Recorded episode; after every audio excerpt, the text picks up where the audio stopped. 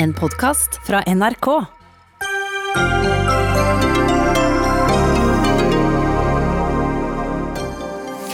Nye milliarder på atter milliarder av kroner er nå vedtatt i ny krisepakke. Foreløpig av et samlet storting. Men permitteringene ja, de står likevel i kø. Mange vil kjenne koronakrisen svi økonomisk. Ettersom sterkere og sterkere tiltak settes inn her i landet for å stanse koronasmitten, ja, så blir kontrasten til Sverige enda større. Landet innfører svært få av de samme tiltakene som vi. Hva om det er de som har rett, spør journalist. Og hvordan skal vi egentlig takle det å være stengt inne sammen med småbarn i mange dager på rad, mens vi forsøker å jobbe hjemmefra? Eller hva med alle dem som nå har sittet mutters alene i en liten leilighet i mange dager, uten noen å snakke med?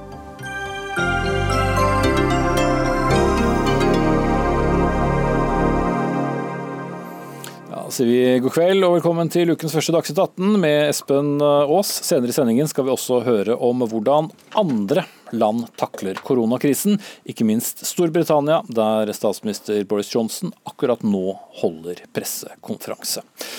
Men først.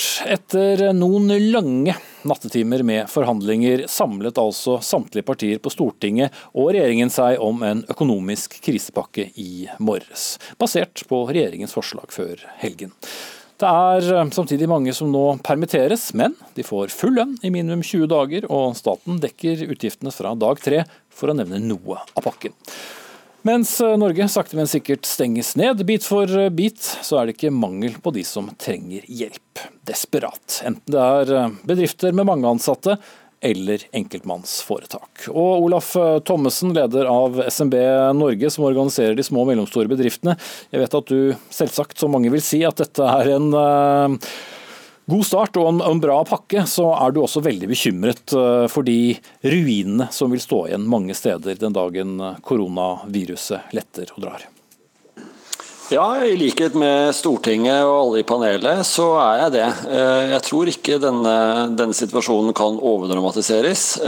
Det er flerfoldige tusen, hvis ikke titalls tusen, som har mistet levebrød over natten. Eh, markedene har blitt drevet under føttene deres eh, i løpet av veldig kort tid. Og det er eh, lav eller ingen forutsigbarhet i forhold til økonomien i bedriften, og dermed i familien, for den saks skyld. Eh, SMB-sektoren eh, har 90% av alle virksomheter i Norge. og Det er det som er hverdagsnæringslivet og det er det som er sliterne i næringslivet. Og De rammes eh, mye sterkere enn alle andre, rett og slett fordi de er mer sårbare. Så Sånn sett så er det riktig som du sier, at vi er glad vi for det som er blitt presentert i dag. Det er umulig å ikke være Eller glad er et, et, galt uttrykk, for ingen er glad for den situasjonen vi er oppe i. Ehm, men vi, vi, vi, vi ser at eh, et tverrpolitisk flertall på Stortinget eh, og med regjeringen har eh, kommet de små og mellomstore bedriftene veldig veldig langt i møte i forhold til å ikke hindre krisen, men gjøre den så liten som mulig. Ehm, men jeg tror man må være forberedt på at det er ytterligere tiltak som må til for å ytterligere eh, sørge for at det er et næringsliv med små og mellomstore bedrifter også etter at denne krisen er over. For krisen skal jo gå over. Eh, og det er jo et poeng å sørge for at det står noen igjen når dette støvet legger seg. Mm. Ja, Det var det jeg skulle til å spørre deg om, uh, Thommessen. Ut fra det vi vet om krisepakken, hvor, hvor mye tid har vi kjøpt oss? Ja, det, Hadde jeg kunnet svare på det, så, så hadde, jeg, hadde, jeg, solgt tjenestene mine på en annen vis, holdt jeg på å si. Men eh, det, det, tør jeg. Det er det jo ingen som kan svare på, selvfølgelig. Eh, eh, det som jeg tror i hvert fall er riktig, det er å tenke eh, litt lenger knyttet til særlig to av tiltakene som er kommet med i dag. Og Det ene er knyttet til de næringene som i praksis har fått yrkesforbud. Det er veldig bra at et, et, samlet storting har sagt at de skal få kompensasjon fra dag 16, men det betyr i praksis at de har en halv månedslønn, altså en halv måned uten lønn. Jeg tror man må være forberedt på at det må gjelde fra dag én. Dette er flere Jeg, jeg tør ikke si hvor mange det dreier seg om, men det er mange mange bedrifter. Det er alt fra frisører, fysioterapeuter, tannleger osv. som i praksis er ilagt yrkesforbud, og som ikke får da noen som helst kompensasjon i en halv måned. Og dette er ikke høytlønnsyrker. Mm. Dette er tvert imot ikke, dette er ofte lavtlønnsyrker. Eh, så jeg tror man må være forberedt på å revurdere det. I tillegg så bør man være forberedt på at den utsettelsen som er gjort i arbeidsgiveravgiften, som er en, bra førstetiltak, at, at arbeidsgiveravgiften som sådan må bortfalle. En utsettelse dreier seg primært om at man får egentlig en dobbel betaling når, eh, går, når si, virksomheten er oppe og går igjen. Eh, slik at når vi endelig er ute av krisen, eh, fortsetter å jobbe, så kommer det plutselig en baksmell på arbeidsgiveravgift basert på de månedene som er gått. Og Når man ikke kan betale den, så kan man få tvangsmulkt i tillegg. Så jeg tror, eh, som sagt, her har man laget noen veldig gode rammer, en veldig god plattform for videre arbeid. Eh, men jeg tror det er særlig to ting som, eh, som si, alle i panelet bør være oppmerksom på. og Det er at arbeidsgiveravgiften nok bør bortfalle i perioden, okay. og at eh, de som har blitt pålagt yrkesforbud, bør få kompensasjon fra dag én. Mm. Takk til deg, Olaf Thommessen, i karantene og med oss eh, på linje. Eh, finansminister Jan Tore Sanner og resten av regjeringen de sitter nå i budsjettkonferanse, mens eh, leder av finanskomiteen, Munastar Kapur fra Høyre, du representerer da ditt, ditt, parti her. Var det mye dere endte opp med å endre fra det opprinnelige forslaget som ble lagt frem før helgen? Ja, altså, Nå skal jeg være så kjedelig å begynne med å si først og fremst. men, jeg, men, men, jeg vil faktisk si det, altså, at jeg er veldig glad for at et bredt flertall på Stortinget har funnet sammen om mange omforente løsninger. Det er ikke noe tvil om at uh, det har kommet på mange nye forslag, men det er heller ikke så rart. Uh, det å prøve å fange et øyeblikksbilde i den krisen vi er i nå, det krever faktisk at, uh, at en sak som kommer til Stortinget på fredag, hastebehandles gjennom helgen allikevel ser ganske annerledes ut når det kommer til mandag. Det vi har gjort, er at vi har tatt i oss eh, forslagene som har kommet fra eh, våre kollegaer i de andre partiene. Fra næringslivet, fra arbeidstakersiden eh, og ikke minst kommunesektoren. Og så har vi prøvd å finne gode løsninger som både kan virke nå på kortsiktig, altså både kortsiktige, særlig for familier, bedrifter, arbeidsgivere, men også å se på litt lenger frem i tid, eh, slik at det kan dannes grunnlag for en trygghet for den fremtidige økonomien. Eh, det er jo helt riktig som Thommessen sier, at enhver sånn økonomisk krise vil alltid ha en hale. Og Veldig mange land bommer veldig ofte på at de ikke har tenkt ut denne halen, eh, og sliter med det veldig lenge. Det er derfor vi også ser på banklånsgarantier, og det vil også komme flere pakker. Bare avslutte med å si i denne seansen i hvert fall, at Erna Solberg har sagt at hun er villig til å bruke alle de nødvendige midlene som trengs for å løse den krisen, men det må være i henhold til at det virker godt. Leder av Fremskrittspartiet, eh, Siv Jensen, du er eh, med oss eh, hjemmefra. Du var jo finansminister til inntil nylig og opptatt av, av, handlingsregelen, men i en situasjon som det dere har sittet nå i natt og utover morgendagen, der kunne man ikke ta slike hensyn? Jeg tror handlingsregelen er underordnet for alle i den situasjonen vi er i nå. Vi står i en unntakstilstand, og da er det viktig å heller komme med nok krutt nå, sånn at vi ikke får en enda større regning i ettertid. Det er jo helt åpenbart at det regjeringen la frem på fredag var altfor uh, lite. Derfor er det bra at Stortinget nå har samlet seg om kraftfulle uh, straksløsninger. Men er, det, er vi ferdige da? Nei, det er vi ikke. Vi er nødt til å jobbe målrettet fremover nå for å hele tiden følge situasjonen.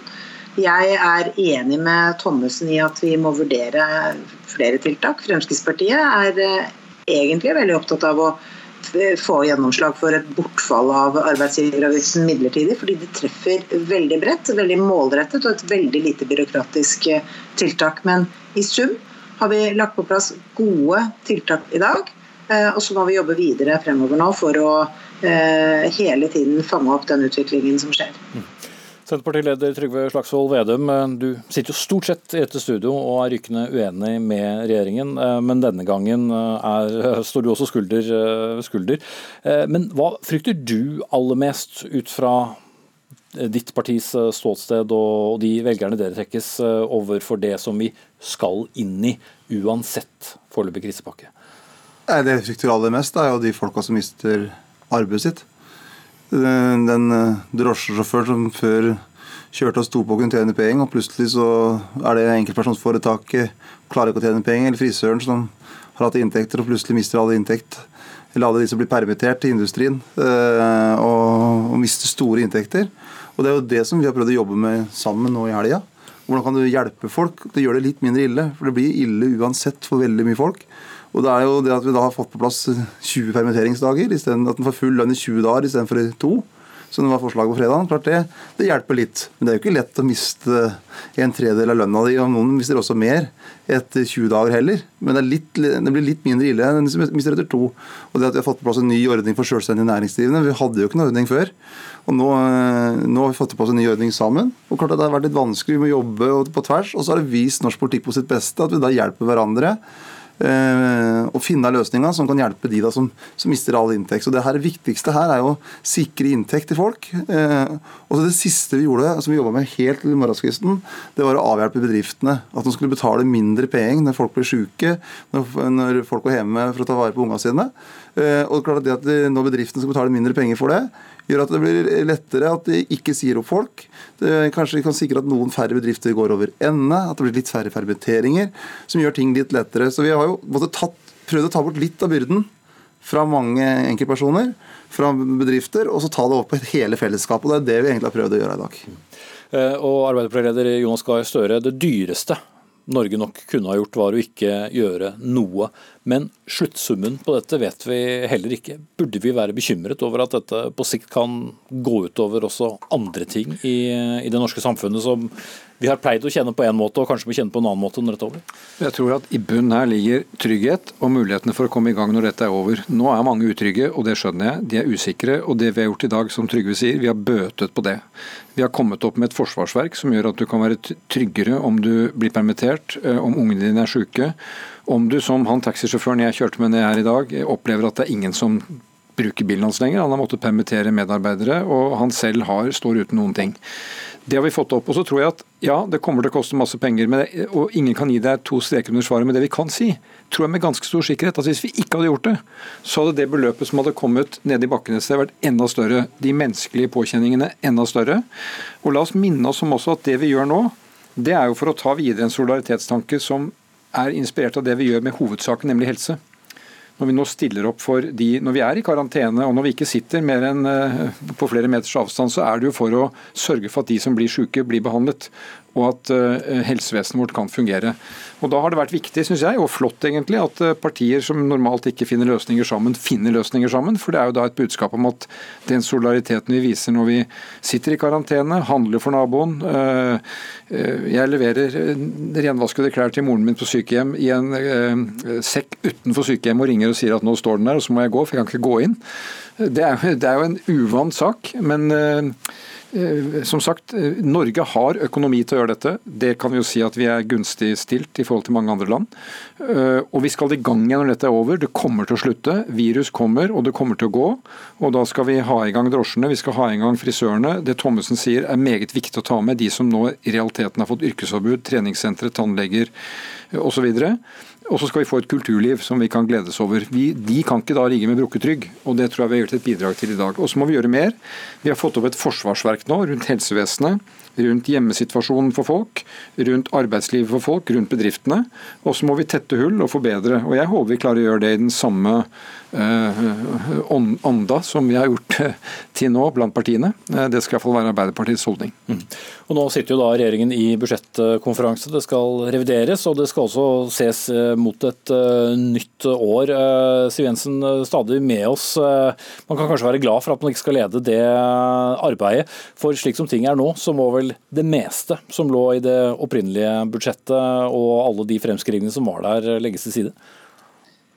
Ja, altså Alt ser jo helt annerledes ut nå. Jeg kjenner, tror nok at det er ganske vanskelig å være regjering på budsjettkonferanse nå, fordi man vet jo ikke hvordan eh, rammene for økonomien eh, ser ut eh, i 2021, annet enn at sannsynligheten er ganske stor for at vi har mange utfordringer vi må håndtere. Derfor så er det veldig bra at vi nå bruker de nødvendige midlene som er tilgjengelige. Og Norge er jo lykksalig stilt. Da. Vi har masse penger på bok. Og er det noe tidspunkt vi skal bruke mer penger på, så er det nå.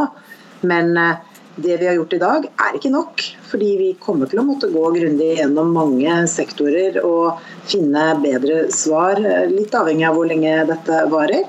Eh, men vi kan ikke, når dette viruset er ferdig med å herje med verden, så kan vi ikke etterlate oss et eh, næringsliv i ruiner. Da må vi gjøre alt vi kan for at bedriftene makter å stå gjennom dette, og at ikke altfor mange mennesker mister jobben.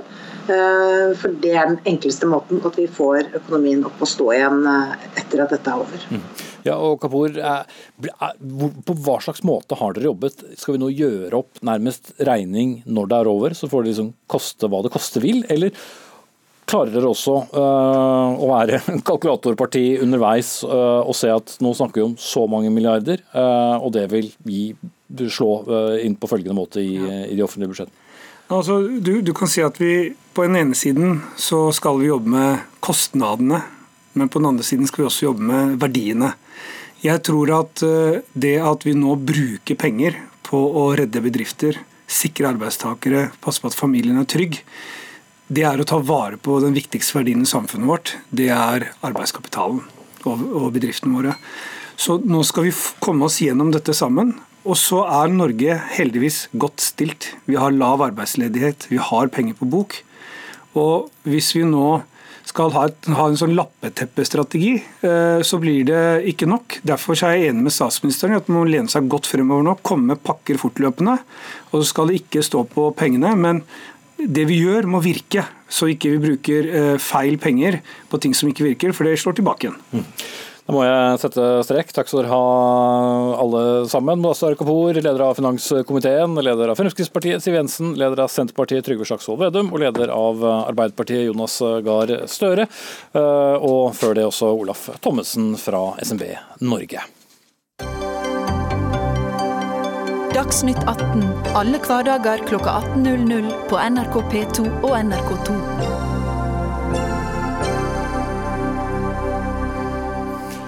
Og som eh, mange har nevnt i diskusjonen vi hadde, Norge er godt stilt. Norge har mye penger, men du verden så mye som endres akkurat på det feltet akkurat nå. Økonomikommentator Cecilie Langum Becker. Eh, parallelt med at folk nå permitteres, så faller oljeprisen stygt. Rentene er rekordlave, bankene tjener mindre penger, kronen er rekordlav, som for så vidt er bra for eksportindustrien, men gjør alt vi importerer dyrere. Og børsene de blør milliarder i fleng, noe som gjør at oljefondet faller og faller i verdi. Med andre ord, tilgangen på penger i fremtidige budsjetter ser i hvert fall akkurat nå ikke så bra ut. Eh, nei, og, og, og, vi kommer jo nå gjennom disse pakkene, vi vet ikke hvor store de blir, men eh, enkelte snakker om at det kan være snakk om, eh, om 100, i 100 milliarders kroner-klassen. Og vi bruker da penger som vi normalt sett ville plassert i oljefondet. Eh, det kommer ikke til å være nok å bruke avkastningen av, eh, av oljefondet inneværende år for å dekke inn dette her. Eh, fra før av så bruker vi sånn rundt et par hundre milliarder kroner i, i oljepengebruk hvert eneste år, som er tilsvarende avkastningen av fondet. Og nå kommer det altså en regning på et ukjent milliardbeløp som skal betales. Og det i et år, som du er inne på, der hvor statens inntekter både fra olje og fra næringslivet generelt, og skatteinntekter fra deg og meg også kommer til å, å falle. Så her må mye eh, dekkes inn. Eh, og så vet vi jo ikke helt hvordan, hvordan, eller om dette skal betales tilbake. Skal vi ta dette som et slags lån fra oljefondet? Det gjenstår jo å se. Så nå er det også viktig for eh, politikerne, for regjeringen, å legge en god plan for, eh, for hvordan vi skal komme oss ut av disse tiltakene igjen med en gang vi er tilbake med en normalsituasjon.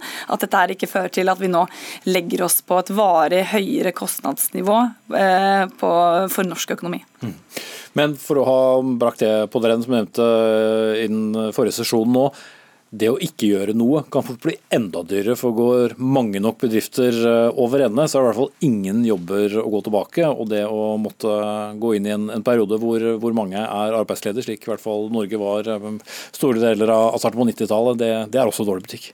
Ja, og, og, jeg sier ikke at vi ikke skulle trykke på den store knappen nå, for det tror jeg alle er enige om at det er lurt å, å gjøre nå. Og det at vi har penger til å gjøre det, altså jobbe motsyklisk, da, som, er, som, er, det vi gjør nå. Vi bruker finanspolitikken vår til å, til å stimulere norsk økonomi, og alle disse, pakken, alle disse tiltakene som vi har fått i dag, som stimulerer folks privatøkonomi, det er også litt sånn hjelp til selvhjelp for at ikke etterspørselseffekten i norsk økonomi, altså penger som du og jeg bruker, at den ikke skal eh, falle helt bort. Fordi vi er jo også tross alt en eh, ganske sånn forbruksdrevet økonomi.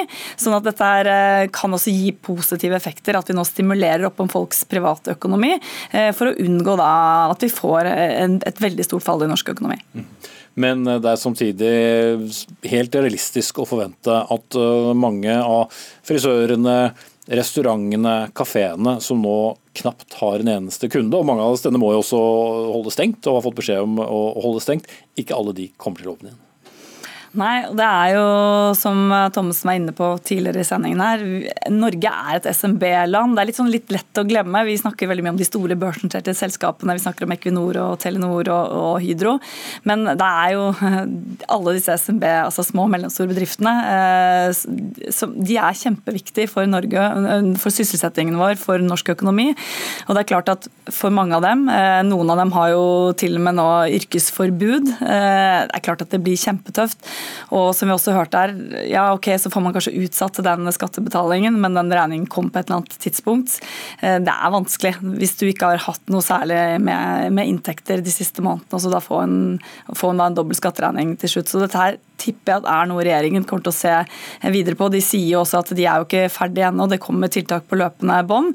Og de har jo jobbet fryktelig raskt her. Jeg tror ikke det er noen som på en måte har lagt seg på latsiden her og, og venter og ser. Nå virker det som om, om det går veldig fort. Vi trenger jo noe hyggelig å snakke om også, vi skal se i det store bildet. De største børslokomotivene, de største arbeidsgiverne i Norge, selv om eh, de både må permittere og, nedjustere nå. Med mindre dette drar ut i, i veldig lang tid, så er de der også når koronaviruset har forsvunnet. Eh, ja, og jo, mange av disse selskapene har jo, um, har, jo god, har jo, hatt god likviditet, har god lønnsomhet og er robuste selskaper. Og det, det som kan hende at skjer, litt sånn etter oljekrisen, det er at, man, er eh, at selskapene nå har anledning til å, til å kutte unødvendige kostnader, til å bli enda mer lønnsomme og mer robuste. Kanskje ser vi på sikt kanskje noen sammenslåinger, eh, noen oppkjøp, eh, som gjør at enkelte selskaper eller sektorer blir mer effektive. Men det er klart at noen børsnoterte selskaper er mer utsatt enn andre. Vi har en del børsnoterte selskaper med veldig mye gjeld, som har slitt lenge pga.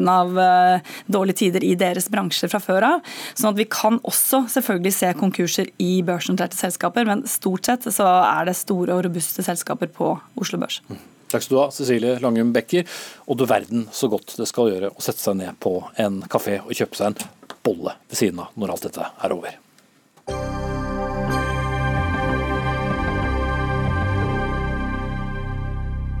Senere i sendingen skal vi snakke om eh, hvordan vi skal forsøke å takle det å være isolert i hjemmene våre, enten vi er alene eller med vår nærmeste familie. Men mens vi nå i Norge og i Danmark stenger både skoler og barnehager, stenger grensene, eller iallfall kontrollerer dem ganske kraftig, eh, så er det annerledes hos Søta Bror. For i Sverige der er eh, veldig få av de samme tiltakene innført. Og det kan jo få noen til å lure på hvem er det som takler krisen på riktigst måte. En av dem som undrer er deg, eh, Ivar Iversen. Du er redaksjonssjef i den sentrumsorienterte Agenda Magasin, og i en kommentar så stiller du deg spørrende til hvorfor responsen i Norden er så ulik. Hva syns du er eh, det rareste? Nei, jeg var vel som i likhet med alle andre vel, som satt ut i helga. Det har liksom begynt å gå opp hvor eh, enorme praktiske konsekvenser det har, da, det, det som har skjedd nå. Eh, og så ble jeg veldig nysgjerrig på hvorfor den svenske og engelske tilnærmingen enn så lenge eh, virker å skille seg ut ganske mye. Eh, det virker som de helsefaglige målene og rådene er mye de samme. Eh, det handler om å bremse spredningen av viruset, og det viktigste måten er å holde avstand. Men de politiske vedtakene som hittil er fattet på bakgrunn av de rådene, er ganske ulike. F.eks. når det gjelder skolestengning. Da. Helt til i dag, det var pressekonferanse nå i formiddag med svenske helsefaglige myndighetene som holder fast ved at de mener det ikke er riktig å stenge skoler og barnehager, sånn situasjonen er nå. Så I teksten min skriver jeg at jeg, det, jeg mener det er viktig å ha en diskusjon om dette nå når det skjer. For det første fordi dette er så tiltak med store konsekvenser for samfunnet. Eh, og tror jeg også det er viktig for å holde på den tilliten folk nå virker å ha til disse rådene vi får. da. Nå er det stemningen preget av en veldig dugnadsånd. Eh, men eh, jeg tror det er flere enn meg som lurer på, som leter etter enda flere forklaringer. og Jeg tror det er viktig at dette blir diskutert. Så jeg oppfordrer da fagfolk da, som kan dette mye bedre enn meg, til å liksom forklare hvorfor er det sånn, og diskutere. Mm. Men det er ikke alle som var så veldig glad for denne kommentaren din. For da sjefen din, eh, Kaja Storvik, eh, delte denne teksten på Facebook, så fikk hun motmæle fra mange. Og mange sier at vi må ikke stille spørsmål ved det myndighetene gjør nå, vi bør ikke diskutere det. Og Hanne Heslein Lossius, du er kommunelege i Berlevåg i Finnmark, og var en av dem som mener vi ikke bør diskutere dette ennå. Hvorfor ikke? Altså jeg mente at det var en eh, feil problemstilling å diskutere, fordi at jeg mener at problemstillingen i seg selv er feil. Eh, det som er, det er at Norge velger altså samme strategi som alle andre europeiske land.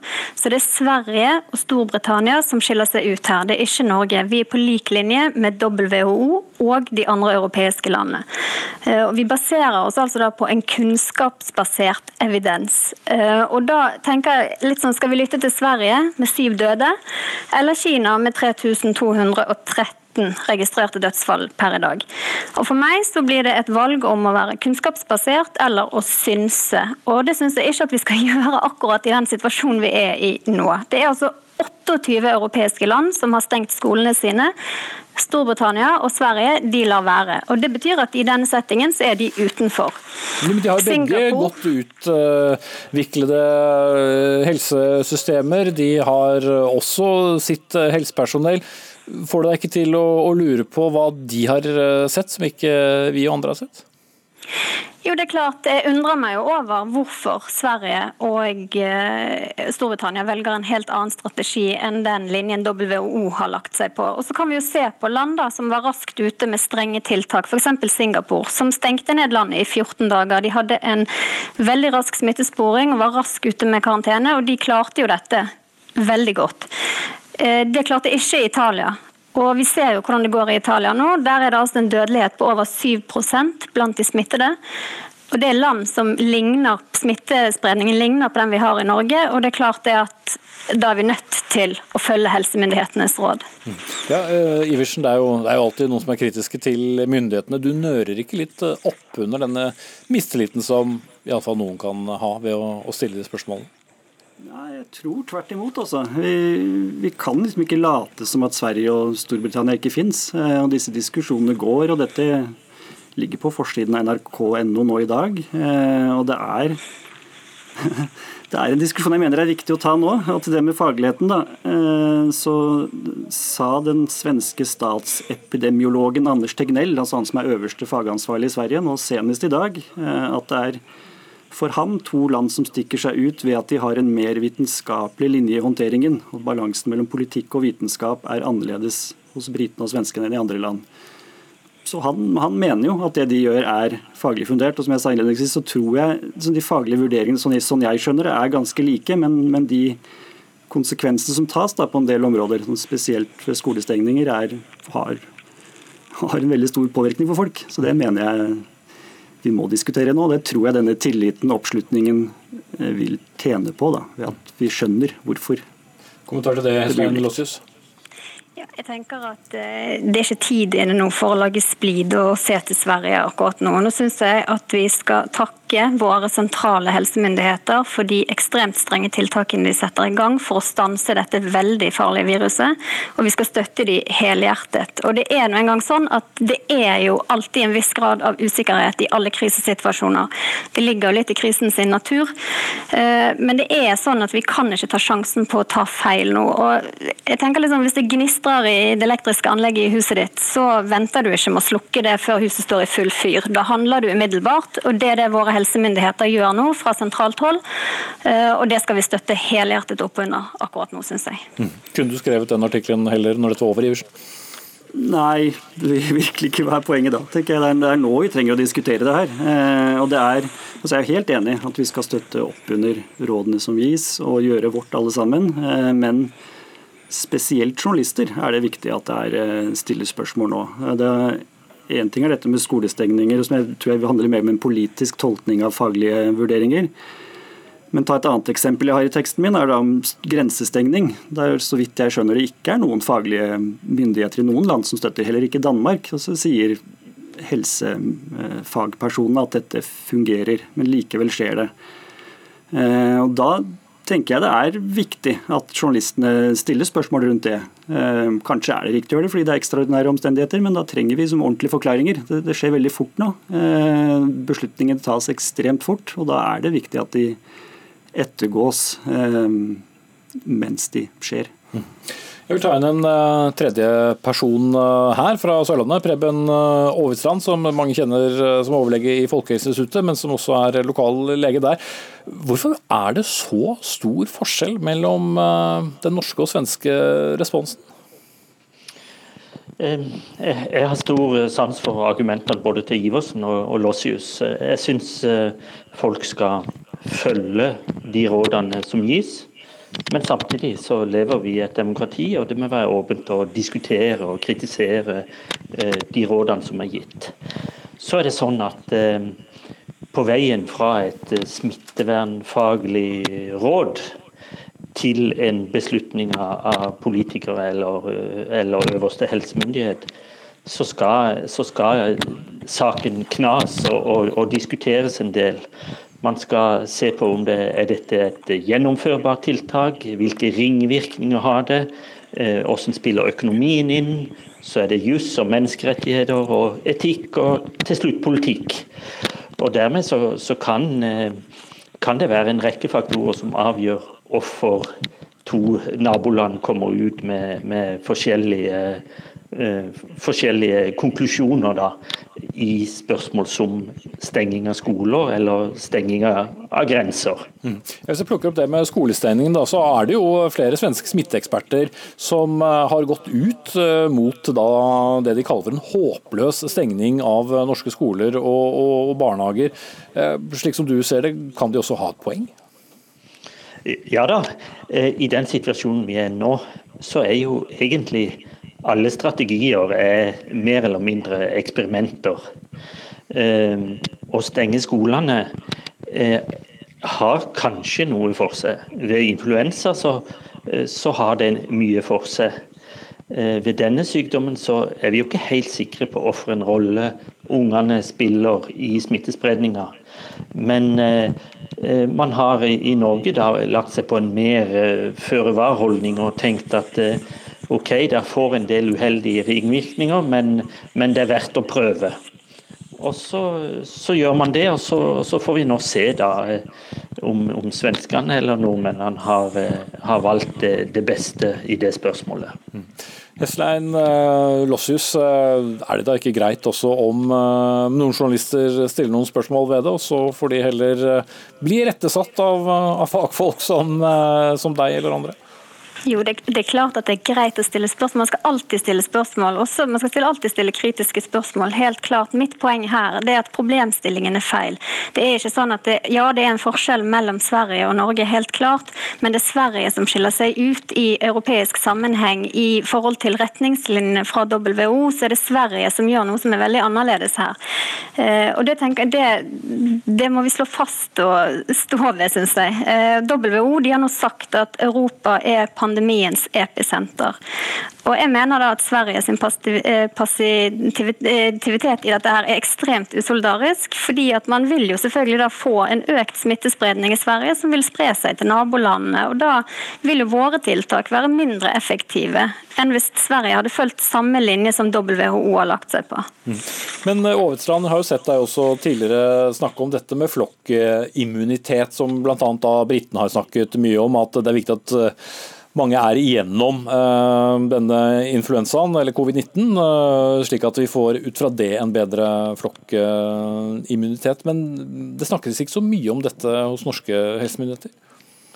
Jo da, men eh, poenget for alle land er at eh, Eh, vi er ikke helt trygge for nye eh, runder med dette viruset før en, en ganske stor andel av befolkninga har vært gjennom det. Men poenget er eh, hvor fort vi skal gå gjennom det. Vi ønsker jo at vi skal få en langvarig epidemi og litt mindre epidemi, men at den skal vare lenge, sånn at den ikke får noe veldig høy topp der sykehusene blir fullstendig overbelasta. Vi vil at det skal dra ut i tid, sånn at vi nokså stille og rolig da, eh, alle vi eh, nokså unge og de veldig unge kan rekke å, å bli immune. Og I mellomtida så skal vi gjøre noe som både svenskene og, og, vi er veldig enige om, det er at vi skal beskytte de gamle mens epidemien farer gjennom landet. Vi får uh, gjøre opp uh, status når vi på et eller annet tidspunkt har kommet gjennom det hele. Takk skal dere ha alle tre. Ivar A. Iversen, redaksjonssjef i Agenda Magasin. Hanne Heslien Lossius, kommunelege i Beilvåg i Finnmark. Og Preben Aavitsland, overlege ved Folkehelseinstituttet.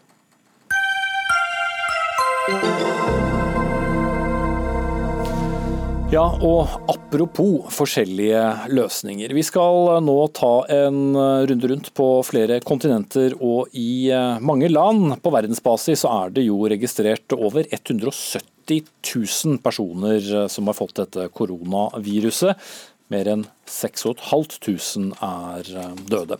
Og som jeg nevnte for kort tid siden, Britiske myndigheter har jo så langt eh, avventet med å iverksette den store nasjonale eh, planen for å håndtere covid-19-utbruddet.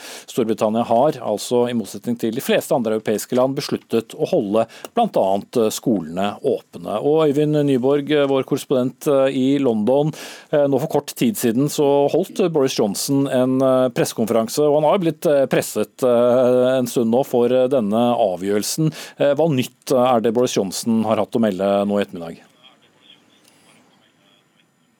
Ja, Det er eh, nye takter som kommer fra Downing Street eh, nå i ettermiddag. Han har rett og slett bedt britene, som ellers er veldig glad i deres egen stue nummer to, nemlig puben. Han har frarådet folk å, å, å oppsøke puber, unngå sosiale sammenhenger, både store og små. og i den grad man kan eh, unngå det også, reise minst eh, mulig. Men eh, han sier foreløpig at det er ikke noen grunn til å stenge verken skoler, barnehager eller universiteter. Han kom ikke noe særlig inn på grunnen. Han sa at det er mange grunner til det. Men fra før vet vi jo det at britiske helsemyndigheter har jo ment at barn er, får lett sykdommen, men får den ikke så veldig hardt hardt. Og det er bedre at de holder seg på skolen enn å være hjemme og smitte f.eks. For foreldrene deres som jobber i helsevesenet, eller enda verre besteforeldrene som befinner seg i en eh, risikogruppe. Men det er helt klart et eh, taktskifte her i Storbritannia nå. og Denne eh, immunitetsdebatten her, her i London har vi jo vært i et slags episenter for den det, det siste døgnet. Mm. Og Hva slags eh, kritikk er det Boris Johnson da har fått, eh, Øyvind Nyborg? For det er jo en del som har eh, satt spørsmålstegn ved den strategien? Ja, og i, i, dag har det jo også vært eh, demonstrasjoner av folk i, eh, som har pakket seg inn i, disse hvite dressene med, med masker osv. Og, så og krevd eh, mer handling. Men det er jo særlig det som kom fra helserådgiverne til Boris Johnson på fredag, der de sa det at de ønsker at 60 eh, av britene skal få sykdommen for å, at man utvikler en, en immunitet. Samtidig som ikke så mange blir syke at eh, helsevesenet bryter sammen. Så Det har vært eh, veldig viktig. Dette her med timing også, sier også helserådgiverne til Boris Johnson i dag, at eh, det er, det er viktig at man ikke setter i gang altfor harde tiltak med en gang. For at dette her har også store sosiale omkostninger. og dette er ikke noe som Tiltakene man kommer med i dag, er ikke noe som man bare skal gjøre nå en 14 dagers tid. Dette her kan ta flere måneder. Mm.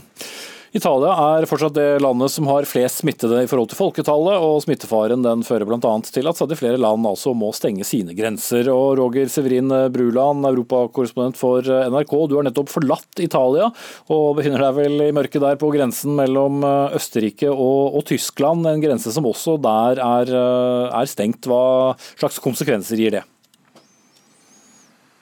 Ja, Det går jo fra null til 100 her i Tyskland. Nå ser vi tysk politi som eh, intervjuer alle utlendinger og spør dem om de har et viktig oppdrag her.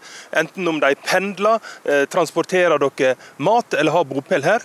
Ellers så blir de bedt om å reise hjem trafikken går seigt som sirup. Dette er jo et svært trafikknytepunkt, og det er digre køer med lastebiler så langt øyet kan se.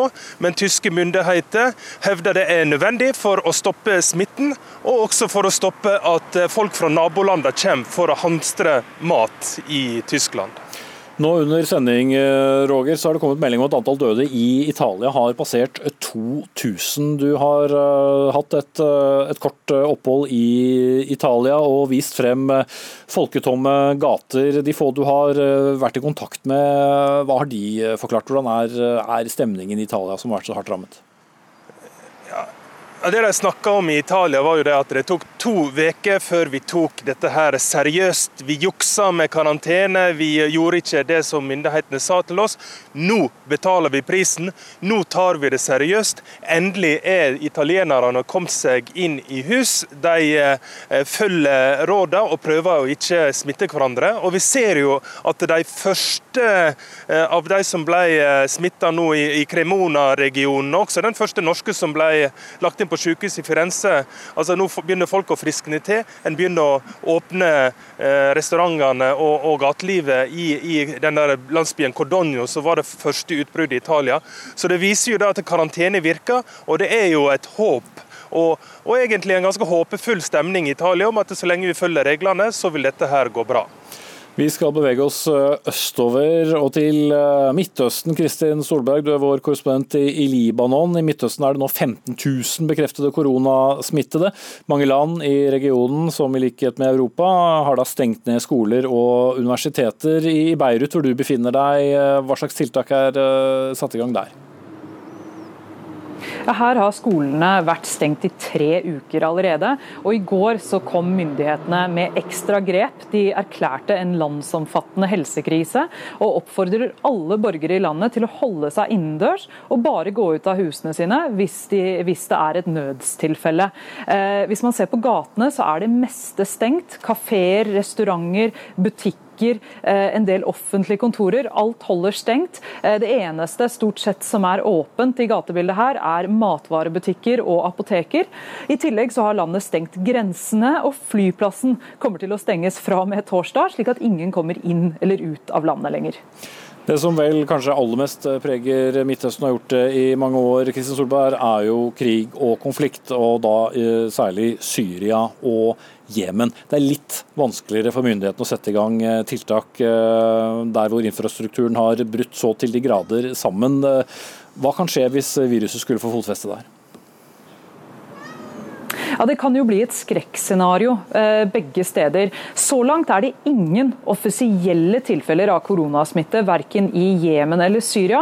Men det er usannsynlig at det ikke vil være tilfeller, i hvert fall i Syria, som har tette bånd med Iran, som jo er det landet utenfor Kina eh, som ble et av de første og hardest rammede landene utenfor Kina. Og I tillegg så er det påvist smitte i alle Syrias naboland. slik at det er nok trolig at det allerede er smitte der der. Og Både i Jemen og Syria så vil det være eh, veldig eh, eller det kan gå veldig ille hvis det blir et stort smitteutbrudd. For det første så bor jo en del av befolkningen på flukt. Mange bor i flukt, eh, flyktningeleirer hvor de bor svært tett, hvor det er vanskelig å begrense smitte, slik at viruset kan komme til å spres raskt. Og For det andre så ligger jo både, helsevesenet både i Jemen og Syria med brukket rygg etter så mange år med krig. Mange sykehus og helsesentre er ødelagt ødelagt, de er blitt bombet. De som ikke er det, er overveldet. Slik at landene vil ikke ha kapasitet til å verken teste eller behandle et stort antall mennesker. Så hvis det blir et stort utbrudd der, så kan man se både rask spredning og et stort antall døde. Blant de 54 landene som utgjør det afrikanske kontinentet, så har iallfall lag halvparten av dem nå registrert smitte av koronavirus. Og Korrespondent Ida Titlestad Dalbakk, du er med oss fra Cape Town i Sør-Afrika. Hvor utbredt er viruset? Ja, nå har det jo eh, blitt mer og mer utbredt på det afrikanske kontinentet. Det tok jo tid før eh, man fikk mange registrerte tilfeller her. Og nå eh, ligger tallet opp mot 400 smittede i Afrika. Og det har kommet flere og flere land til på den lista over land der det finnes smittede. Senest i helga så fikk man smittede i Namibia og i Rwanda. Så her øker tallet. Og her vi er nå, i Sør-Afrika, så økte tallet med det dobbelte bare fra en dag til en annen. og eh, Det er nå 62 smittede i Sør-Afrika, så folk begynner å bli bekymra også her. Mange afrikanske land eh, fikk jo bryne seg på ebola for bare noen år siden, men hvor godt rustet er eh, afrikanske land til å møte koronaviruset? Det som er Problemet er jo at det er veldig dårlig utbygd helsevesen i veldig mange afrikanske land. Noen er det bedre i, eh, og det er selvfølgelig forskjeller på de ulike landene. Men eh, problemet er jo at man ikke har nok penger til tester og til beskyttelsesutstyr for eh, de som skal hjelpe syke mennesker. Så her sliter man rett og slett med å forberede seg på å skulle ta, ta vare på smittede framover. Og det er jo også veldig mange mennesker som lever med hiv, eh, og med, som er blitt syke av malaria. Og det er klart at enda flere smittede av koronaviruset vil gjøre at disse ikke får den hjelpen de trenger. Skal vi kort eh, innom London igjen, Øyvind Nyborg, for du eh, ville gjerne runde av din bit derfra kort? Ja, jeg tror at Når folk skal evaluere eh, denne epidemien eh, når den tid kommer, så er det særlig to poeng som kanskje har blitt litt borti den debatten vi har hatt nå. Det er ikke sånn at eh, britene har bare latt ting skure og gå. De hadde full kontroll på karantene og alle smittekilder i en tidlig fase. En annen ting er jo at dette er jo et land med nesten 70 millioner innbyggere som har slitt økonomisk, er i ferd med nå Eh, pga. koronapandemien å gå inn i en økonomisk tilbakegang. Norge f.eks. Eh, kan bare skru på krana og bruke enda litt mer oljepenger. og Kanskje det har også noe å si i de vurderingene som nå tas. Vil jeg til deg her i studio, Sverre Strandhagen, kommentator i Dagens Næringsliv. I dag skriver du om et land vi ikke har vært innom, nemlig Russland. Eh, men du snakker da om denne virusfrykten, eh, ikke bare noe som skremmer, men at eh, president Putin bruker det som et våpen. Hvordan da? Nei, det er slik at russerne og Putin er kjent for å drive en det de selv har definert som en slags lavintensitetskonflikt med Vesten der ganske mange forskjellige virkemidler er tatt i bruk. Eh, også det vi kan kalle desinformasjonskampanjer eller påvirkningskampanjer. Mm. Hvordan fungerer dette konkret? Nei, det er jo rett og slett uh, spre falske nyheter da, uh, gjennom sosiale medier. I vestlige land? I vestlige land. Vi, så jo det i, den amerikanske valgkampen ikke sant, i 2016, men også i veldig mange andre sammenhenger. Det har vært brukt for de, støtte for de gule vestene i Frankrike f.eks. Og man etablerer da masse falske e-postkontoer f.eks. Ehm, konkret her da, så, så, ehm, så, er min informasjon faktisk kommet fra den amerikanske kongressen, hvor det var en høring forleden, hvor en, en tjenestekvinne fra State Department, amerikanske utenriksdepartement, fortalte om at de nå fryktet at det var en sånn global påvirkningskampanje på gang. Um, og hvor faktisk russerne da kynisk utnytter denne frykten for korona. Det kan ikke bare være amerikanerne som vil sverte russerne nok en gang? da? Eh, jo, det kan eh, altså Det er helt eh, greit å stille kritiske spørsmål. Eh, vi skal også gjøre det. Men eh, det er faktisk eh, slik at russerne har en form for det man kan kalle et modus operandi. En måte å, å virke på som, som vi kan kjenne igjen. Eh, og dette med påvirkningskampanjer, det, det, har vi sett mange steder. Og vi har noen veldig gode eksempler, eh, f.eks. nå i Ukraina. Der var det slik at i forbindelse med at når dette koronaviruset først ble virkelig dramatisk, så ville jo alle vestlige land forsøke å hente tilbake sine borgere fra Wuhan. Og Det gjorde jo også Ukraina. De ville hente tilbake ukrainske borgere eh, i begynnelsen av februar. Eh, kort tid etterpå så ble det en systematisk kampanje i sosiale medier eh, om at så og så mange var smittet, der og der ville disse evakuerte bli plassert. Det var snakk om fire-fem forskjellige byer. Alt var feil informasjon. Så Helsemyndighetene måtte ut og demontere dette her, men, men det hjalp ikke. Det gikk til og med så langt at eh, noen hacket e-postadressen til det ukrainske helsedepartementet og sendte ut en falsk e-post om at så og så mange nå var smittet i Ukraina. Mm. Og, og, veldig kort, for tiden renner ut her nå. Hele poenget med å gjøre dette, det er å destabilisere? Det er å destabilisere, svekke uh, regjeringen i Ukraina. Mm. Takk skal du ha, Sverre Strandhagen, kommentator i Dagens Næringsliv. Hør Dagsnytt 18 når du vil. Radio NRK Radio.nrk.no.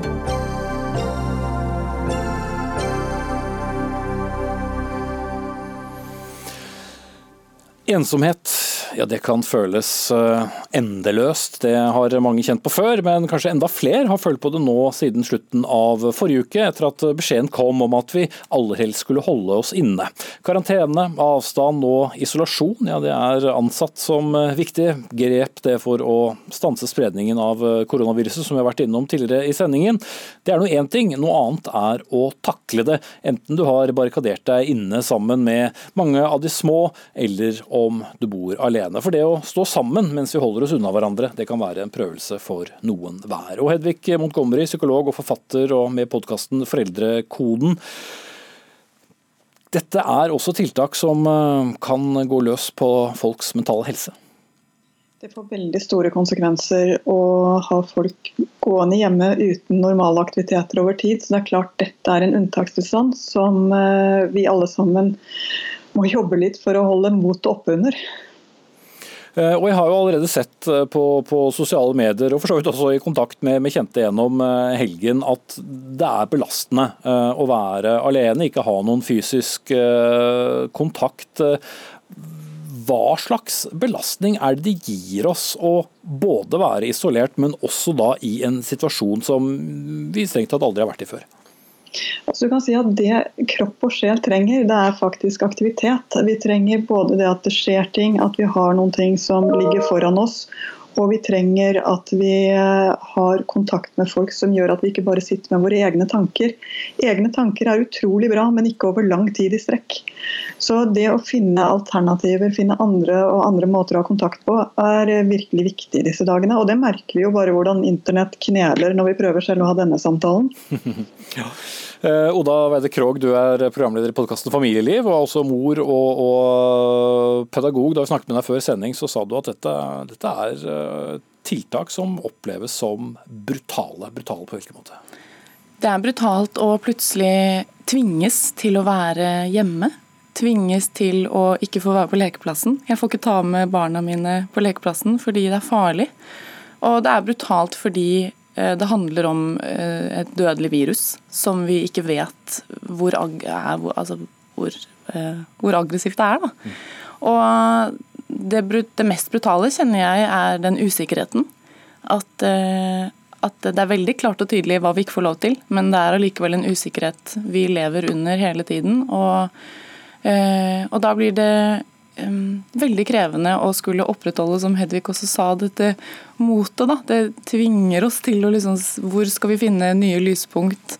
hvordan kan vi gjøre det innenfor husets fire vegger? Og det når man da har f.eks. jeg har en fireåring og en toåring som også lurer veldig på hva det er som skjer. Som jeg delvis kan svare på, men som jeg også kjenner på at jeg vet jo ikke jeg heller.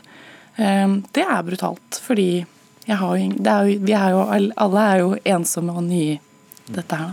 Og Det har gått da fire døgn og snart en time siden disse tiltakene ble, ble iverksatt. Hvordan, hvordan, har du kjent på det selv, som skal for så vidt ha et slags rasjonelt forhold til alt som heter familie? Hvordan har du merket at det endret seg? Ja, det her eh, tok ikke så lang tid før eh, Jeg kjente det veldig fysisk. Eh, det tror jeg veldig mange gjør. At det er sånn øh, det er ubehagelig. Vondt i magen, vondt i brystet. Hva er dette for noe? Men, eh, men jeg også kjente på at jeg f.eks. måtte spørre Bjørn, mannen min, i går hvilken dag er det? Fordi eh, for Akkurat som at hjernen blir litt sånn Jeg vet jo ikke hvor lenge dette varer. Eh, er det to uker, er det to måneder? Um, og det at det rett og slett blir sånn tidsforvirra og hva er det, hvilken tid er det, når er middag? Det er jo nødt med å holde disse rutinene som, som har lett for å flyte ut, men som også kanskje ikke føles så viktig fordi det er dette emosjonelle og psykiske som tar veldig mye plass nå, da, i starten. Ja, Hedvig Montgomery, hvis uh, internettet er på, på, vår side, de som sitter hjemme nå og hører på, og kanskje ikke har sett et annet uh, levende menneske enn kanskje en liten tur i butikken eller to i løpet av de siste dagene, og som kjenner på ensomheten, kjenner på angsten på at de ikke aner hvor lenge de blir sittende, hva skal de gjøre? Hva, hva slags råd har du? Altså det første er faktisk å vite at dette er tidsavgrenset. Det kommer til å bli hevet. Vi kan ikke fortsette slik. Det at det er satt at det er frem til den 26., og så er det påske, er faktisk det vi har å forholde oss til, og det tenker jeg er rimelig. Det andre det er at ja, det der å gå i butikken og smile til noen er faktisk ganske stor hjelp. Eh, det å ringe til noen og bare si 'sånn er det med meg akkurat nå', er en ganske stor hjelp det å gjøre disse bitte små kontaktene En av de pussige tingene Vi vet at du lever lenger hvis du sier hei til noen hver dag. Det må være noen å si hei til hver dag. Og det å finne denne noen er faktisk det nivået vi snakker om. Det redder liv. På toppen av det hele, hvis vi skal tenke litt på, på, på, på familie her, Weider eh, Krogh, så OK, så sitter man kanskje så inne sammen med sin lille familie. Mm. Men så har du kanskje en far eller bestefar som ligger på sykehus han kan du ikke besøke. Så er du kanskje en mor eller bestemor som er på sykehjem. Hun kan du heller ikke besøke, og du vet ikke om du kan det om en uke, om du kan det om 14 dager. Kanskje må du vente til over eh, påske. Hvordan skal man klare å holde på denne familien som sånn sett da spriker og man, det er mange man ikke får sett, og det er kanskje noe man får sett altfor mye. Ja. um, det er jo um, Nå er jeg heldig at uh, jeg har ingen på sykehjem, men, uh, men uh, jeg har noen i familien som er risikogruppe. Så jeg kan jo ikke besøke de nå, og, det må jeg jo bare respektere og forstå jo det. Så da er jeg jo veldig glad for at jeg har telefon og FaceTime. Så jeg tenker at hvis man kan få til det på gamlehjem, eh, i hvert fall å ringe og høre stemme, som Hedvig også sa, det der hei, hør høre en, høre en, datter, høre en sønn, høre barnebarn, ikke minst, hvis man kan by litt på de. La de eh, få kose seg på FaceTime og blåse litt i iPad-tid, og få de til å ringe eh, besteforeldrene sine. Og hvis ikke, hvis ikke du har barn selv, så prøv å finne noen løsninger med de omsorgshjemmene som eh, foreldrene dine eventuelt er på. Da. Mm. Men Vi har kommet inn i en veldig rar tid hvor eh, folk omtrent sender tekstmelding til hverandre og spør om de kan ringe. Altså Folk skriver mer til hverandre enn mm. å ringe. Er dette tidspunktet hvor vi skal eh, gå tilbake til at vi faktisk ringer? Ja, kan vi ikke det?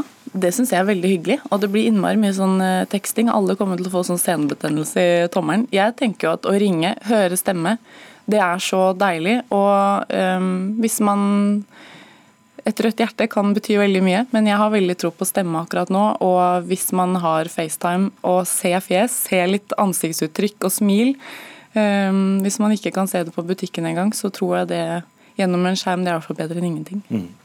Jeg vet også at det er nok en del som sitter der ute og føler at ikke de har uh, noen å ringe til. Iallfall så håper vi at det har vært eh, litt selskap å følge dagens Dagsnytt 18. Takk til Oda Weider Krogh, programleder i podkasten Familieliv. Familieliv. Også takk til Hedvig Montgomery, psykolog og forfatter og med i podkasten Foreldrekonen. Hvis noen er forvirret over eh, hvor du er i dagen akkurat nå, så kommer snart Dagsrevyen etter oss. Ansvarlig for denne sendingen det var Dag Dørum. Lisbeth Sellereite hadde teknisk ansvar. Jeg heter Espen Aas.